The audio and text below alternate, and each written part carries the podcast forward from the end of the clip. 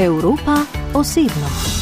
I'm Ksenia Smirnova. I'm a journalist of the international broadcasting TV company of Ukraine called Freedom. Ksenija Smirnova iz Kijeva je kmalo po začetku vojne v Ukrajini začela delati kot voditeljica in novinarka pri ukrajinskem TV programu Freedom, ki je nastal po začetku vojne, ko so v Ukrajini začeli združevati tako radijske kot televizijske programe. Pretežni del programa je namenjen rusko govorečemu občinstvu doma in v tujini, manjši del pa oddaje v arabskem, angliškem in ukrajinskem jeziku. No, I'm a linguistic, I mean philo, philologist, it's a correct word. Uh, I, I graduated the University of Foreign Študirala sem lingvistiko, pravzaprav filologijo, a me je že med študijem privlačilo novinarstvo. Že odnegdaj sem iskalka resnice. Novinarstvo je zame način življenja, način, kako pomagati ljudem v boju z lažmi in spoznati resnico. 13 let sem to počela na radiju, na različnih ukrajinskih radijskih postajah, v različnih vlogah. Bila sem napovedovalka, voditeljica, tudi glasbena opremljevalka. Sprva je bilo moje področje kultura, spremljala sem tudi izbore za Eurovizijo. Po letu 2014 pa je pri meni prišlo do obrata in sem se popolnoma posvetila politiki. My mind and my view of the journalism, uh, and I started to work in information journalism. Da se je to zgodilo leta 2014, pravzaprav ni na ključje. Tega leta je namreč v Ukrajini prišlo do usodnih sprememb. Februarja 14 se je v Ukrajini začela revolucija dostojanstva, katere vrhunec je bila odstavitev predsednika Viktorja Janukoviča, ki ni želel približevanja k Evropi, ampak se je odločil za tesnejše vezi z Rusijo. To je privedlo do krvavih protestov in političnih sprememb, te pa do ruskega posredovanja na Krimu ter ustanovitve separatističnih držav Donetsk in Lugansk. Po nekaj letih navideznega miru pa je prišel februar 2022. I uh, uh, finished my last show on the 23rd of February at uh, 1 a.m. of the 24th. actually. Svojo zadnjo oddajo na eni od televizij sem imela 23. februarja zvečer, ki se je končala po noči 24. februarja okoli enih zjutraj. Moji gostje v oddaji so še zatrjevali, da se ne bo nič zgodilo. Po nekaj urah spanja pa so me zbudile rakete, ki so začele padati na Kijev. O petih zjutraj sem se odpeljala do staršev, ki živijo na vzhodnem obrobju mesta. Tam je bilo najhuje, saj je imela naša vojska tam protiraketne sisteme. Pri starših sem ostala ujeta kakšen mesec dni. Ostala sem brez službe, saj je moja televizija nehala oddajati. Dogajanje v Ukrajini, v Kijevu, le nekaj ulic stran, sem lahko spremljala le po televiziji, prek CNN in podobnih programov. Takrat sem začela snemati svoje vtise, svoje videnje vojne in objavljati posnetke na svojih underground YouTube kanalih, tako v ruščini kot angliščini. To so bili moji prvi koraki v širši prostor v mednarodno novinarstvo. Uh, wider journalism, I mean, international, my YouTube channel.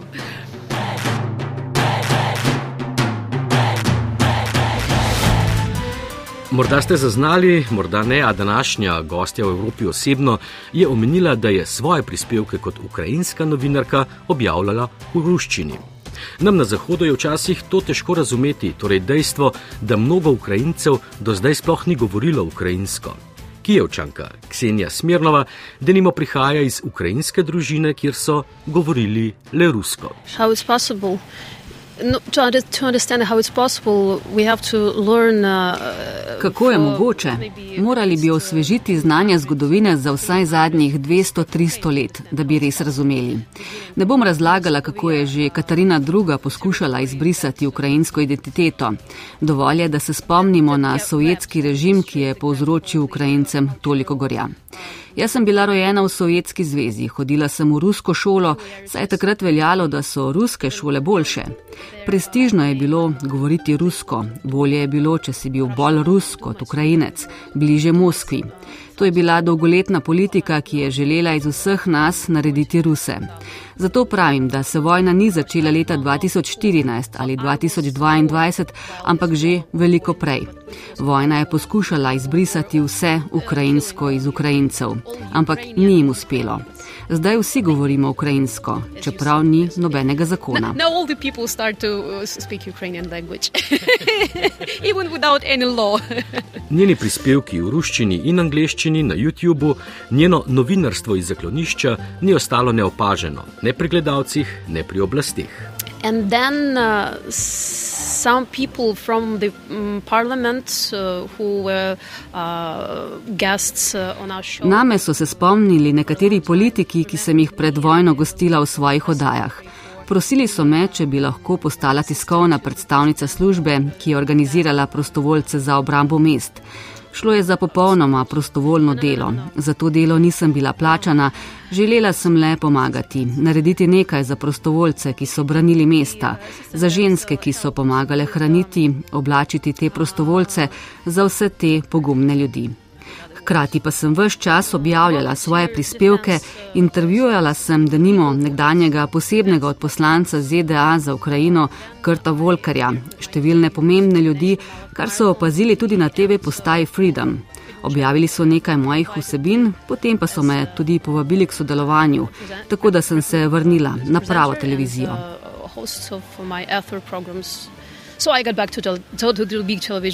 v času vojne je seveda veliki ziv opravljati novinarsko delo, sploh pa na območjih, kjer potekajo neposredni spopadi.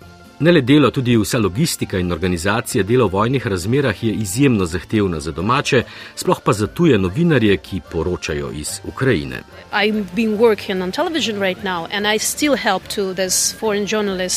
Čeprav delam na televiziji, pa kot prostovoljka pomagam tudi kolegom, novinarjem iz tujine.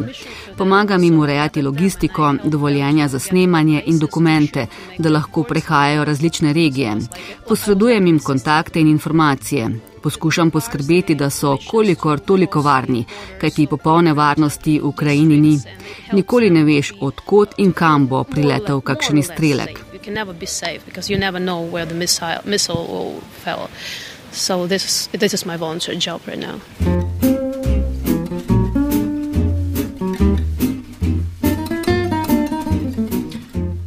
Ksenijo Smirnovo, novinarko iz Ukrajine, sem se pogovarjal med novembrskim zasedanjem Evropskega parlamenta v Strasburu, kjer so sprejeli resolucijo, ki Rusijo označuje kot teroristično državo. Ujela sva se med njenim snemanjem intervjuja s polskim predstavnikom v Evropskem parlamentu in oglašanjem v živo za njeno televizijo. Potovanje iz Kijeva, kjer živi v Francijo, je bilo njeno prvo potovanje po dolgem času. Uh, Več kot dve leti zaradi COVID-a nisem bila v tujini in hkrati je to moje prvo potovanje iz Kijeva po začetku vojne. Pot je bila težka in naporna, ne samo, da so vse karte za različne prevoze več čas razprodane. 18 ur sem se vozila z avtobusom, z letalom do Nemčije, ter na to z vlakom in avtobusom do hotela. Potovanje je trajalo dva dneva, prišla sem enkrat proti jutru. Uh, uh, Če vam povem po pravici, ko sem prišla še v mraku v Strasbourg in sem hodila po spokojnih, lepo osvetljenih ulicah, so me prevzela čustva in sem začela jokati. Pa sem le začutila to normalno življenje. Nas so v 21. stoletju pahnili v 19 brez vode, brez elektrike, gretja. V Kijevu še nekako gre, kaj pa v manjših mestih, mestih, ki jih nenehno obstreljujejo. To je grozno. Ukrajinci seveda poleg vojne najbolj pozorno spremljajo prav dogajanje v Bruslju in Strasburu ter različnih inštitucijah Evropske unije, kajti predvsem od zahodne pomoči je odvisna njihova usoda.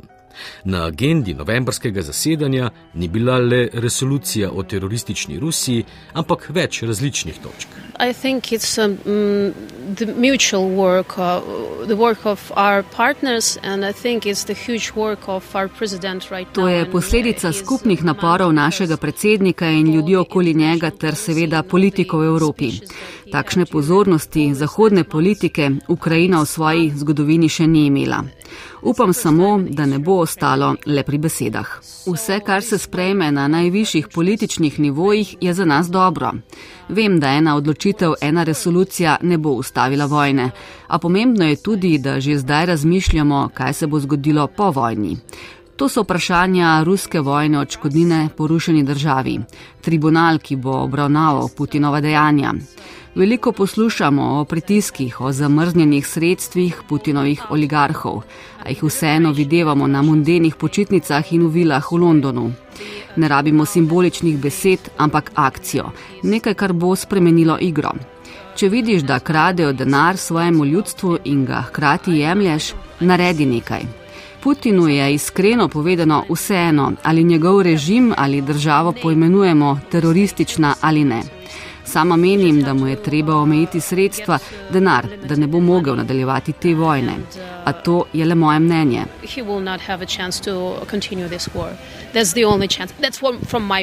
Ob začetku napadov na Ukrajino je bil svet enoten v obsodbi ruske agresije. Podporo Ukrajini in Ukrajincem so izražali vsi, od politikov prek zvezdnikov do običajnih ljudi. Zdaj morda ta vnema malce popustila, pa vseeno, kako vas v Ukrajini doseže ta podpora? Um, Seveda, čutimo in slišimo moralno podporo ljudi z vsega sveta. A treba je povedati, da države, ki mejijo na Ukrajino, države, ki so bile ali del komunističnega bloka ali celo pod Sovjetsko zvezo, bolj razumejo, čutijo, kaj in kako se dogaja pri nas razumejo našo željo, da ne želimo nazaj, v preteklost. Pri državah, ki so geografsko bolj oddaljene od nas, je več besed in manj čustev. V sosednjih državah pa je več čustev in manj besed. Ampak to je moja subjektivna ocena in razumem jih. Tu v Franciji je pred mojim hotelom čudovito božično drevo in božični sejem. Verjamem, da se teh ljudi tu manj dotakne vojna. To je neko drugo življenje, drugo vesolje.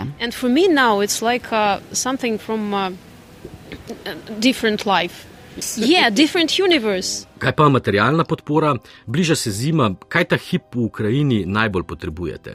Maybe it's the first time that united uh, the needs of all the regions, uh, as from you can see what's Putin doing. He is uh, ruining uh, all Prvič v devetih mesecih vojne po brutalnih Putinovih napadih na infrastrukturo se je zgodilo, da celotna Ukrajina potrebuje enako pomoč - grelce.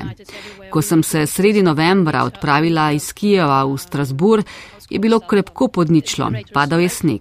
Pravzaprav potrebujemo vse povezano z energijo, z elektriko, grelce in električne generatorje, solarne polnilce, baterije ter tehnične pripomočke za čiščenje vode.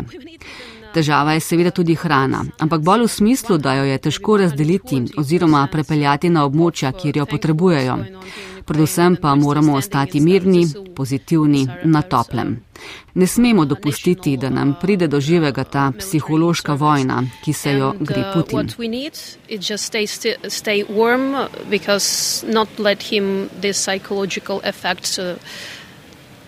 To get his aims. Zdi se, da je po koncu poletja le prišel čas, ko se vojna preveša, ko ne poslušamo le o ruskem napredovanju, ampak o vse večjih vojaških uspehih ukrajinskih sil. Se res? Absolutno right perception uh, and the right perception not only about uh, the uh, military side, it's about people. To drži, pa nimam v mislih le naših vojaških uspehov, gre tudi za moralo med prebivalci. Pomankanje elektrike in vode pomeni le večjo jezo Ukrajincev, večjo odločenost, da bodo zdržali. Nismo Rusi in nismo sužni. To opažam na vsakem koraku pri prijateljih, sorodnikih, sosedih. Po prvih napadih je ogromno Ukrajincev zapustilo državo.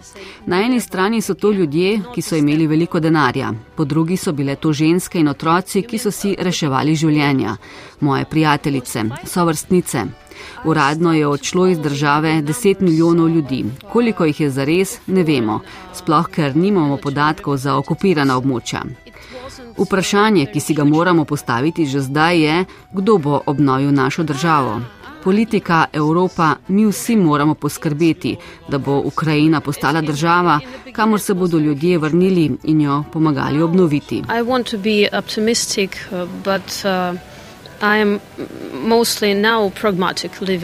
Želim biti optimistična, pa sem lahko samo pragmatična.